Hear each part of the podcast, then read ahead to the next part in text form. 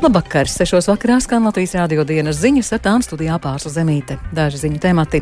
Hipotekāro kredītu ņēmējiem kompensēs kredītu kopējo procentu maksājumus 30% apmērā. Farmaceiti kritizē ministrijas zāļu pieejamības uzlabošanas plānu, brīdina par 150 aptieku bankrotu. Apšaudē Hersonā vismaz divi bojā gājušie.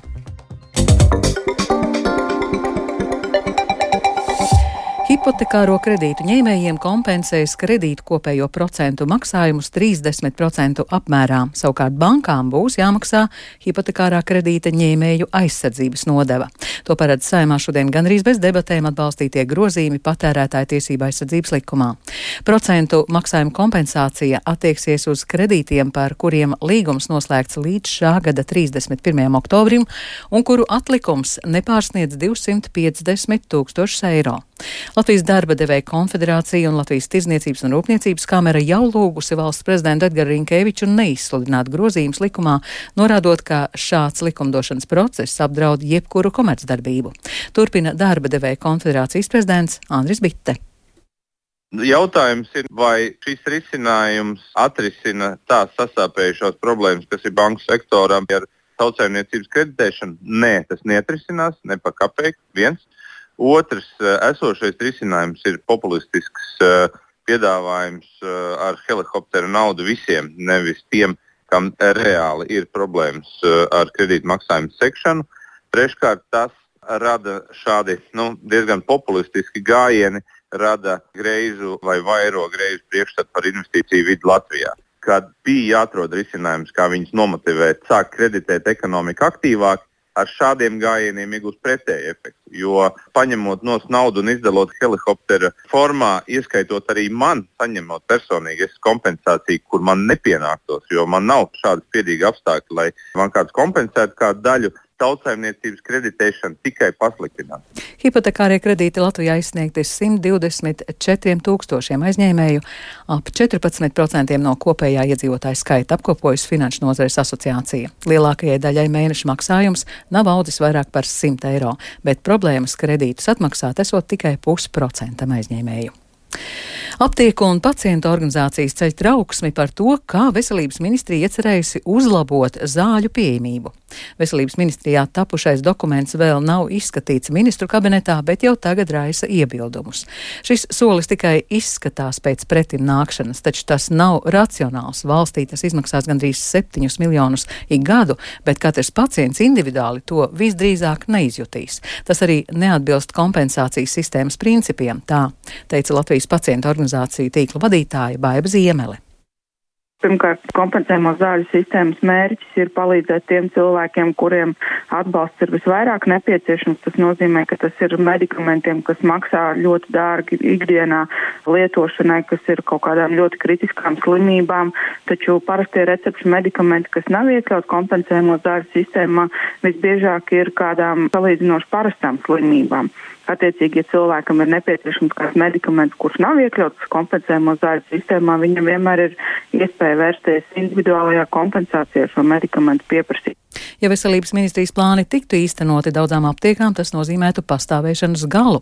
Tā vērtē Latvijas farmaceitiskās aprūpas asociācijas izpildu direktore Kristīne Jučkoviča šādas idejas, it īpaši, ja mēs runājam par konkrētām jau izmaiņām kompensējumu medikamentu sistēmā, kas nav sistēmiskas izmaiņas, varētu nest sev līdzi līdz pat 150 aptieku lielākoties reģionos bankrotu, un šīs aptiekas varētu beigt pastāvēt vienkārši tāpēc, ka izdevumi pārsniegs ieņēmumus un iedzīvotājiem vienkārši šāds pakalpojums nebūs pieejams. Jučkovičs skaidroja, ka ziņojumā ietvertie priekšlikumi aptiekām paredz ļoti daudz jaunu pienākumu un kopumā tie tapuši nekonsultējoties ar aptieku un lielu tirgotavu sektoru bez redzējuma par farmaceitiskās aprūpes attīstību. Valsts aizsardzības dienesta trešajā iesaukumā obligātā kārtā pavēstes varētu saņemt līdz pat 500 jauniešu. Papildu atlases rīkos 23. janvārī, jo pieteikušies pārāk maz brīvprātīgo. Jāuzņem 480 jauno karavīru, gribētāji ir 515, bet jau tagad zināms, ka liela daļa dienestam nebūs derīgi. Aizsardzības ministrijā lēš, ka dienestam varētu atbilst 250 līdz 270 cilvēku. Tas nozīmē, ka vismaz 200 cilvēku vēl ir jāatrod. Obligātais iesaukums skars 18 līdz 19 gadus vecus jauniešus, kas iegūši vidējo izglītību vai profesiju. Atšķirībā no brīvprātīgajiem šiem tiks divreiz mazāka kompensācija, kā arī nebūs iespējas par valsts naudu studēt. Kā motivēs obligāti iesaucamos stāsta sauszemes spēku mehanizētās kainieku brigādes pulkveža leitnants Gaidis Landratovs.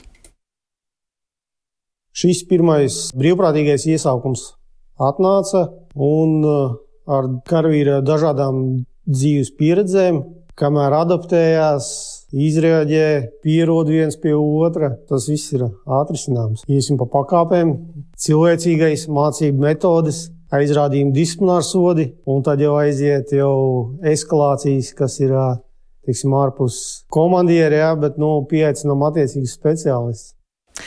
Valsts kontroliera amatā saimā ievēlēja ilgadējo iestādes vadošo darbinieku Edgaru Korčāginu. Par Korčāginu nobalsoja 90 deputāti, bet pret bija viens. Viņu šim amatam izvirzīja valdību veidojošo partiju frakciju vadītāji. Korčāgins valsts kontrolē strādā kopš 2015. gada.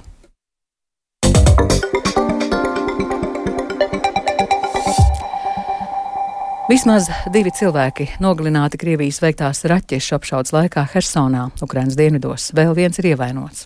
Reģiona prokuratūra ir uzsākusi izmeklēšanu par kara noziegumiem. Savukārt par dronu uzbrukumiem Ukrainai ir izdevies atvairīt 41 no 48 uzbrukumiem. Ukrainas armija vēsta, ka tie bija Irānā ražotie bezpilota lidaparāti. Jaunāko ir apkopojis Arķems Konahaus. Ukrainas armijai ir izdevies atvairīt lielāko daļu no pagājušajā naktī veiktajiem Krievijas drona uzbrukumiem, tomēr raķešu uzlidojumi Hersonai ir aiznesuši cilvēku dzīvību. Ukrainas prezidents Valdemirs Zelenskis atkārtoja, ka viņa valsts turpinās cīņu par spīti visam. Savukārt Maskavas tuvumā esot atrasts mīres bijušais Ukrainas parlamenta deputāts Ilja Kiva. Viņš ir pārstāvējis Maskavai draudzīgos politiskos spēkus un apgalvojis, ka Ukraiņu tautai ir nepieciešama atbrīvošana. Oficiāli 46 gadus vecā vīrieša nāve vēl nav apstiprināta.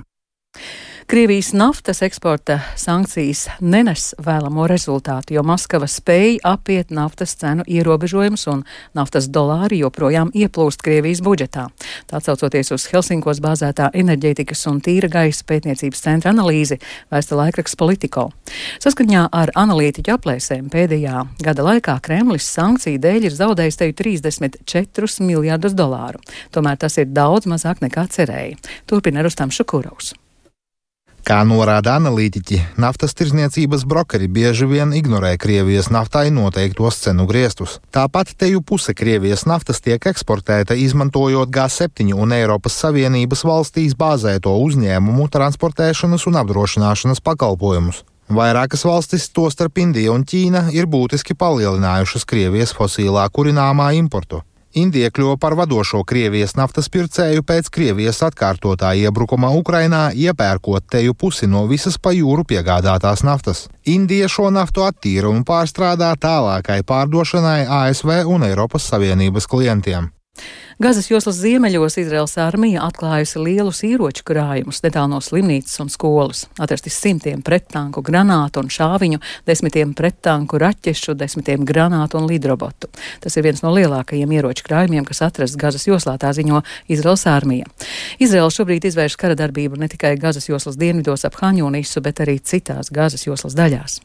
Izraels karš ar teroristu grupējumu Hamas atsaucas uz drošības situāciju Eiropā. Pastāv augsts risks, ka Ziemassvētku laikā Eiropas Savienības dalībvalstīs varētu notikt teroristu uzbrukumi, tā brīdinājusi Eiropas komisija. Atsevišķās valstīs ir paaugstināts terorisma draudu līmenis, un policija pastiprina klātbūtni vietās, kur apgrozās daudz cilvēku, piemēram, tradicionālajos Ziemassvētku tirdziņos. Eksperti ir pārliecināti, ka pašlaik karš tuvajos austrumos ir galvenais iemesls terorisma draudu pieaugumam Eiropā. Vācijas Maršala fonda vecākais līdzstrādnieks Bruno Letē.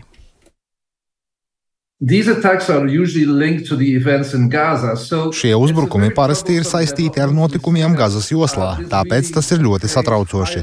Mēs redzam, ka tas izraisa patiešām spēcīgas emocijas Eiropas iedzīvotājos, un es nedomāju, ka tās tik drīz norims. Tāpēc ir būtiski, ka arī Eiropas Savienība strādā pie šī konflikta risinājuma. Jo ilgāk šis konflikts turpinās, jo vairāk mēs redzam, ka Eiropas iedzīvotāji tiek polarizēti un sašķelti negatīvā nozīmē.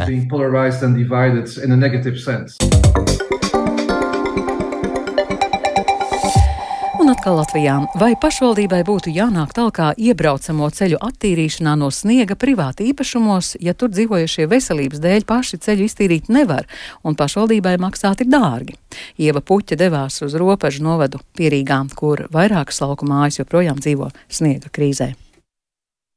Ropažu novada podkāja ciems, kur lauku mājās Valtersalā smīt mējeru ģimene, tīc skaistā biezā sniegā. Pašvaldības ceļš ir notīrīts, taču mamma Agnese, kurai ar auto jādodas uz darbu Rīgā, katru rītu bažīgi skatās pa logu, vai nav snidzis vēl. 300-400 metru garo iebraucamo ceļu pašvaldība netīra. Kaut arī šajās mājās ir pirmās grupas invalīds, kurš ar ratiņiem pa sniegu līdz auto aizbraukt nevarēs, ja tas būs novietots lielā ceļa malā.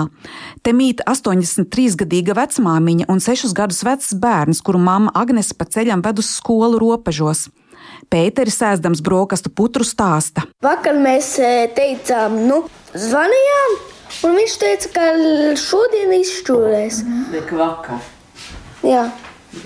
Un neviens nebija. Agnēs tikko ir pārcietusi operāciju un pat nevar izrakt mašīnu, ja tā iestiktu. Pirms divām dienām tas notika. Arī kaimiņos Kalniņu mājās mīt vīrietis, kurš ir pārcietis insultu, un viņa mamma, kam ir pāri 80. Bet uz nākošajām Maskalniņu mājām ved gandrīz kilometru garš ceļš, kura tīrīšana arī šogad pašvaldība vairs neorganizē, jo tas piederot Latvijas valsts mežiem.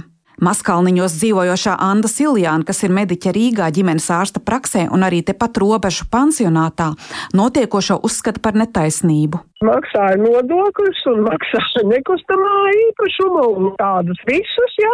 Pagasts no manis gūs ienākumus, bet atpakaļ atdeve, nu, praktiski nekādi.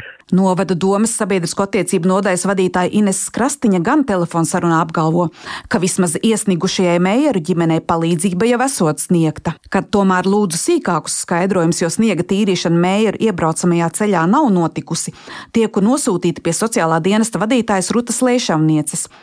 Viņa atzīst, ka mēra ģimenei būtu jāpalīdz, tomēr pašlaik tas nesot iespējams. Mēs tā vienkārši nedrīkstam tur iebraukt un izšķirēt ceļu, jo ir privāti īpašumi, kuriem ir neaizskaramība. Tikai sazvanot pašvaldības izpildu direktoru Maksimu Griščenko, tiek solīts situāciju risināt ar pašvaldības apmaksāto ceļa tīrīšanas ārpakalpojumu sniedzēju palīdzību. Bet Latvijas pašvaldības savienībā skaidro, ka šī esot iekšēja problēma, ar kuru jātiek galā pašai pašvaldībai. Ieva Puķa, Latvijas radio. Latvijas sabiedrībā lielu rezonanci sevišķi sociālajā platformā X izraisījušas žurkas Rīgas centrā. Video ar izsalkušu grauzēju baru pie atkritumu tvērtnes staciju laukumā dažos raisījis pat šoku. Latvijas radio Rīgas ielās aptaujātajiem cilvēkiem bija dažāda reakcija uz šādu ziņu. Viņi te visu laiku pa tiem musaniekiem skraida, jo te viņa māja ir, te ir daudz. Normāli. Tā kā visi grib ēst un dzīvot. Ārprāt. Nebrīnos katrā gadījumā. Nu, tas tā tipiski, zin, Rīgā dzīvojot daudzreiz sanāk, ka mēdz aizkavēties. Un, tādēļ, ka jūs pieminat žurks, es nezināju, ka tāda lieta eksistē šeit, bet Ja jūs sakat, ka tā ir, tad es, es saku, vēlreiz, es nebrīnos. Neko nezinu, tā kā es arī īpaši par sociālajiem tīkliem nedzīvoju, tad es neko nezinu. Tad jūs man tagad nobiedējāt. Protams, tas ir briesmīgi, bet nu, mazāks kā meža cūks. Reaģējot uz sociālajos tīklos publicēto video ar žurkām stacijas laukumā, pašvaldība aicina par pamanītajiem grauzējiem ziņot teritorijas apsaimniekotājiem. Ar to izskan Latvijas rādio dienas ziņas, producents Edgars Kupčs, ierakstus montēja Kaspars Groskops, par labskaņu rūpējās Mārtiņš Paēglis, ar jums runāja Pārsla Zemīte. Latvijas vidas geoloģijas un meteoroloģijas centrs informē Rīgā mīnus 6 grādi, dienvidaustrumu vējš 3 m2, gaisa spiediens 773 mm, gaisa relatīvais mitrums 92%, bet kāds laiks gaidāms turpmāk prognozē Toms Bricis.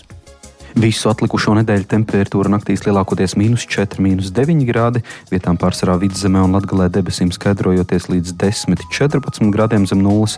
Dienās gaisa iesils līdz mīnus 3, mīnus 8 grādiem, vietām piekrastē līdz mīnus 1 grādam. Brīžiem sniks, vairāk svētdien, kad mazliet putinās, jo pastiprināsies dienvidu austrumu vējš, brāzmās 8, 13, piekrastē 15 metriem sekundē. Nākamās nedēļas sākumā Latvijas čērsos siltā fronte, tādēļ jau pirmdien lielākajā valsts daļā iestāsies neliels atpūtas atpūsnis.